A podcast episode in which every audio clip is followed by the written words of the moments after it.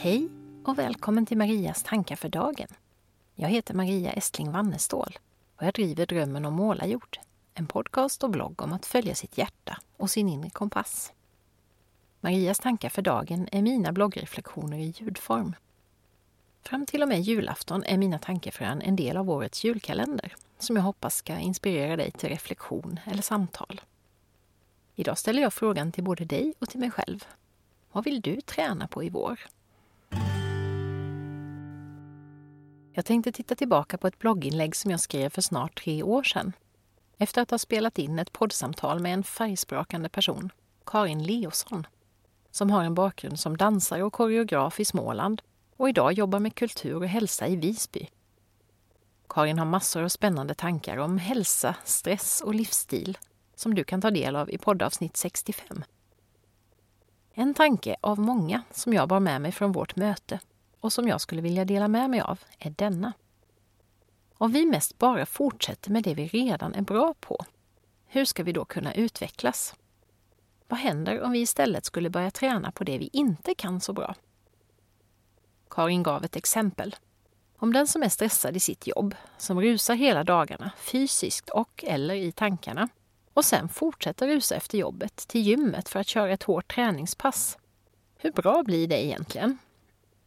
Kanske vi ibland istället, eller i alla fall också, behöver träna på just det vi inte är så bra på. Det vi inte gör dagligdags. Kanske den som är van att rusa istället behöver träna på att vara i stillhet. Som att meditera, eller gå på ett lugnt yogapass, eller gå en långsam promenad i skogen. Och så kanske det istället är den som har alldeles för lågt tempo och lite stimulans på jobbet som behöver det där hårda träningspasset. På liknande sätt kan man tänka sig att den som ofta tar ansvar för allt och alla kan behöva träna sig i att ibland släppa kontrollen och ha tillit till att det finns någon annan som tar ansvar. Medan en person som är van att vara den som ständigt håller låg profil kan må bra av att då och då försöka våga sticka ut hakan och träna på att ta för sig lite mer. Ett annat exempel kan vara att det är lätt att fortsätta på ett jobb som vi egentligen inte trivs med, för att vi är så bra på det. Och då förstås också får uppskattning för det. Kanske behöver vi börja tänka i nya banor. Finns det ett annat sammanhang där jag skulle kunna utvecklas och växa mer? Helt enkelt träna mig på något annat än det jag redan kan så bra, kanske till leda. Relationer är ytterligare ett område där vi kan ha glädje av att träna på något annat än det vanliga. Många av oss umgås med samma människor under lång tid. Det kan förstås vara en stor trygghet och ge mycket glädje. Men ibland kanske vi också skulle må bra av att utmana oss i nya relationer. De senaste åren har jag gjort just det. Jag har lärt känna ganska många nya människor som lever i andra världar än de där jag tidigare mest befann mig. Bland annat andra egenföretagare, kulturarbetare och människor som bland annat jobbar med hållbarhet och integration. Spännande och utvecklande på många sätt. Efter poddsamtalet med Karin funderade jag på vad jag själv skulle vilja träna mer på framöver.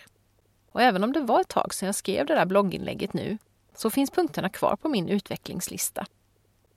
Ibland göra saker som att gå, äta, prata och jobba lite långsammare och mer medvetet och närvarande. Göra en sak i taget istället för att hoppa från det ena till det andra. Inte ta upp mobilen när jag har ett litet mellanrum i tillvaron, utan istället passa på att andas och tänka. Försöka lyssna mer än prata i sammanhang där jag har en tendens att ta över. Det kan förstås kännas lite deppigt att jag fortfarande behöver träna på de här sakerna efter flera år. Men det var ju det där som Thomas Tranströmer skrev om vår mänskliga utveckling i sin dikt Romanska bågar och som jag citerade här om veckan. Jag tror att jag tar den där raden igen. Och ett par rader till den här gången. För jag tycker att Tranströmer säger så viktiga saker. Skäms inte för att du är människa. Var stolt. Inne i dig öppnar sig valv bakom valv oändligt. Du blir aldrig färdig. Och det är som det ska. Så tillbaka till den där frågan vi började med. Finns det någonting som du skulle vilja träna på i vår? Tack för att du har lyssnat och välkommen tillbaka till en ny kalenderlucka imorgon. Hej då!